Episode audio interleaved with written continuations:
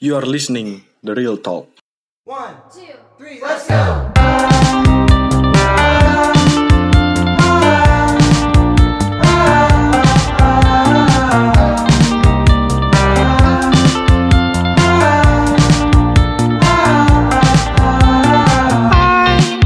could cry for days.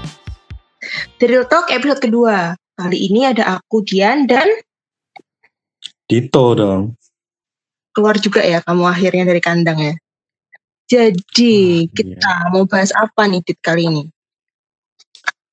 Hmm, tentang ini aja Bu, eh, perubahan budaya dan gaya hidup setelah adanya virus corona. Gimana?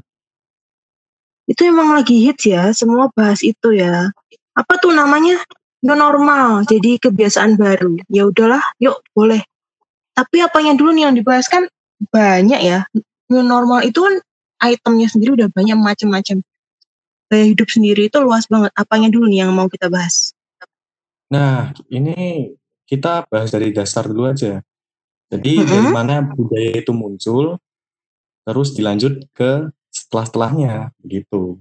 Oke, jadi menurut kamu gimana nih keadaan sekarang? Kan kalau kita lihat nih, sekarang kan udah banyak sekali perubahan yang terjadi, termasuk infrastrukturnya juga berubah. Dari yang paling gampang dulu nih, ada internet. Sekarang kan internet ini sudah jadi kebutuhan primer kan, apalagi kerja di rumah, belajar di rumah, kuliah di rumah.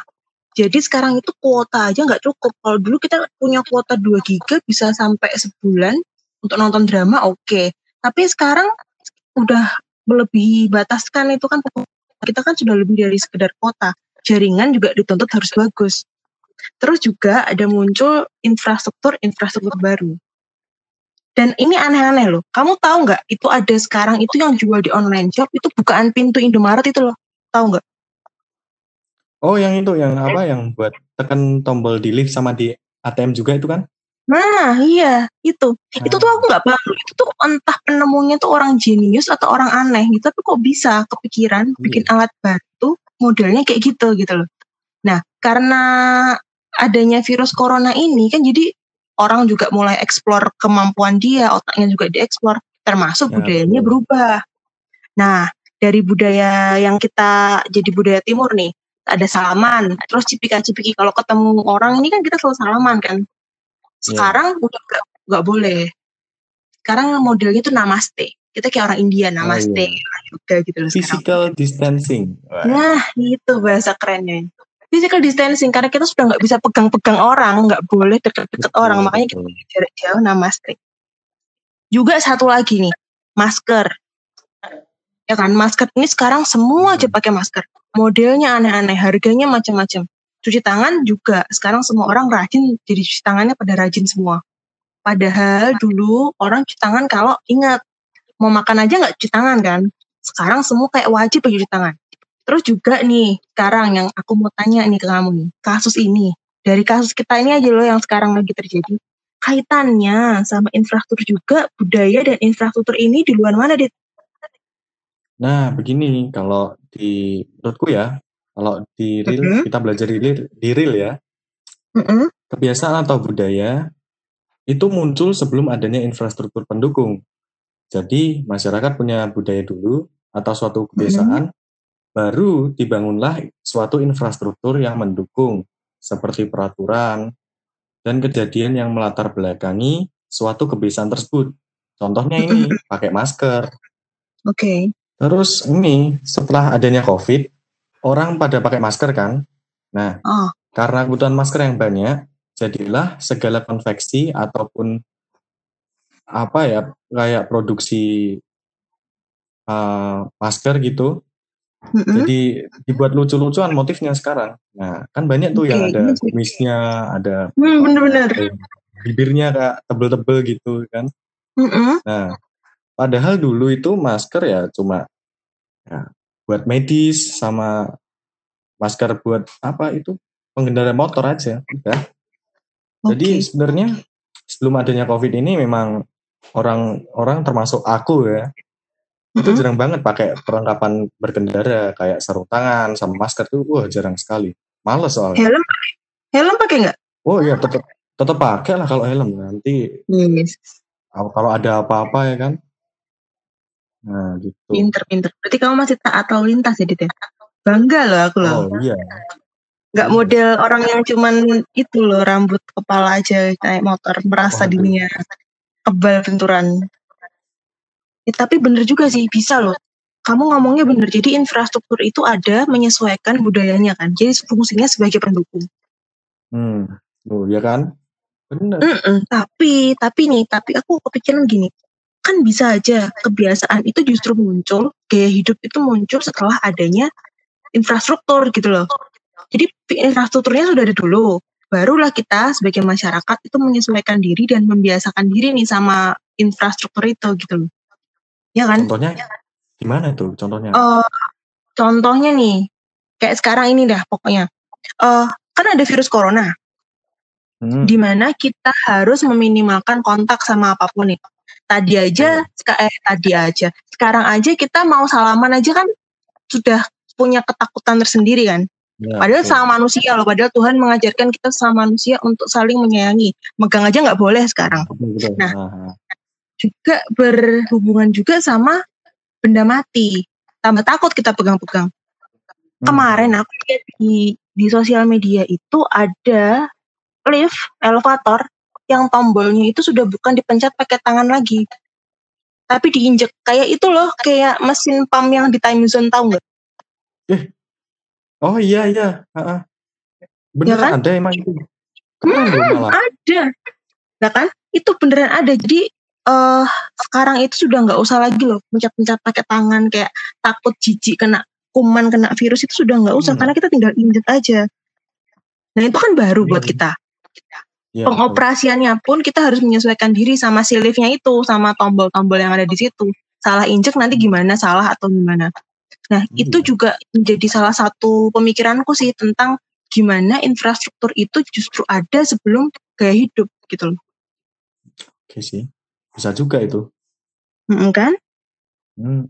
Ya apa nanti juga bisa juga loh. Ini buka pintu nggak usah pakai apa nggak usah pegang handle-nya dorong-dorong. Mm-mm. Tapi kayak itu apa kayak eh, kayak nih di James Bond itu loh kayak di oh iya Mm-mm, canggih-canggih tuh mata atau apalah. Nah di Mission Impossible juga ada. Kalau iya ingat. sih Hmm, kalau ingat benar kalau yang nonton pasti tahu kalau eh, film-film itu sudah mengeluarkan teknologi-teknologi yang sudah beyond imagination ya di luar imajinasi kita gitu loh. Termasuk sensor gerak nggak Dit berarti kalau gitu? Oh, kalau itu kan wah udah udah udah kuno ya kayaknya kalau kita ke mall-mall itu kan pasti ada gitu loh. Kalau kita jalan wah itunya kebuka pintunya yang dari kaca-kaca Iya, itu loh. Mm-mm. Nah, itu. Eh, ini kayak apa ya? Kita itu mencari yang anti mainstream gitu. Bener, iya sih. Real sendiri kan anti mainstream ya kita nggak ikut-ikut yang Oh lain iya, jadi betul jadi tidak. Nah, kan? Nah, sekarang nih aku mau tanya nih dulu sama kamu. Oke, gimana sis? Gini, kamu kan sebagai perwakilan kaum muda, guys. Sebagai anak muda yang kelahirannya masih baru kemarin-kemarin aja, ini yang kamu rasakan menurut kamu ya pribadi sebelum masa normal ini. Jadi kan kita sudah mengalami karantina sekian bulan. Betul. yang semua ditutup, kafe ditutup, bioskop nggak boleh buka, karaoke ditutup, semua nggak boleh kuliah aja nggak boleh masuk kan sekarang. Sekarang kan kalau Iya. kita lihat kalau kita keluar itu mulai buka loh, rumah makan, kafe mulai dibuka. Jadi kan kita sudah mengalami masa transisi nih. Nah sekarang pertanyaanku, apa yang kamu rasakan setelah dan sebelum masa transisi? Setelah dan sebelum masa transisi. New normal ini ya? Yes, new normal. Oke. Hmm, apa ya? Ini ini kita bicara dari positifnya dulu. ya. Oke. Kalau bicara dari positifnya aja, eh positifnya dulu, itu ya orang-orang jaga jarak tadi, physical distancing. Hmm. Ini jujur aja, aku kalau ke Indomaret eh, atau mana pun itu, kalau antri pasti orang-orang itu kayak nempel gitu loh, kayak nggak nggak mau ada celah sedikit pun, kayak apa ya? Takut disela ya. Mereka punya ketakutan disela orang. Mungkin itu ya. tapi kan ah apa ya, kayak risih gitu loh jadinya Mm, Ya pastilah. kayak kecurigaan tuh ada gitu nah Mm-mm, takut dicopet dan segala macam ya. Jadi itu Nah. menurut kamu oke ya? Dengan adanya Iya. jaga jarak justru membuat kamu lebih nyaman. Oke, bener ya? iya. Nah, iya sih, aku pribadi juga merasa dengan adanya jaga jarak itu justru kita merasa punya ruang pribadi itu lebih lebih private ya, lebih punya privasi Nah, sendiri. benar, benar. ya kan? Mm-mm. Terus tuh kan tadi positifnya, Dit. Negatifnya buat kamu apa?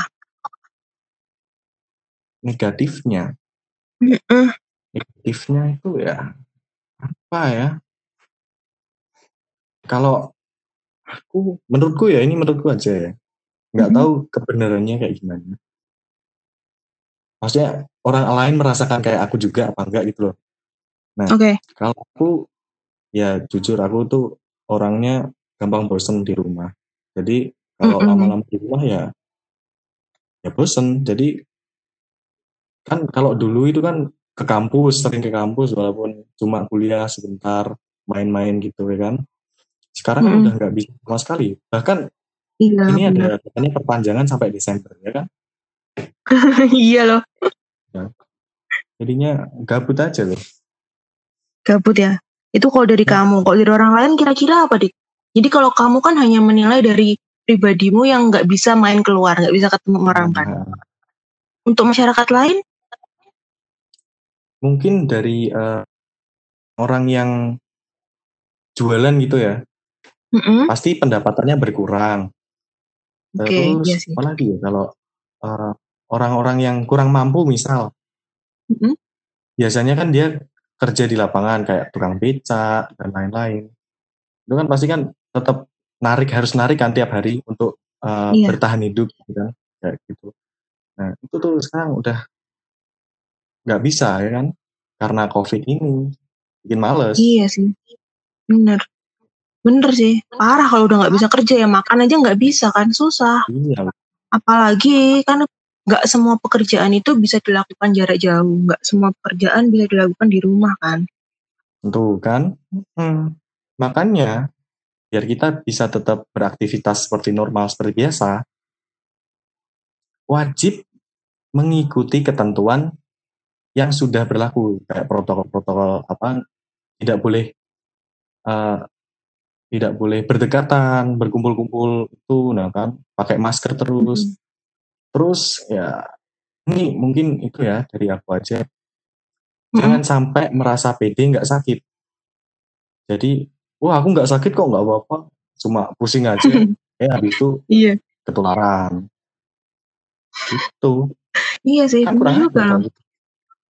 Heeh ya, apalagi nular-nularin temennya itu tambah kurang ajar lagi ya, Dit ya. Itu kan bikin emosi Santai. Ya sudah, daripada kamu ini marah-marah, tersulut emosi. Ya sudah kita sudahi saja semua ini. Oh. Oke, jadi jangan lupa tungguin episode selanjutnya The Real Talk di setiap hari apa, Dit? hari Jumat Jumat. Oke, jangan lupa setiap Jumat akan ada episode baru dengan tema-tema yang seru dari kita di sini. Dan sekarang kami berdua mau pamit undur diri dulu.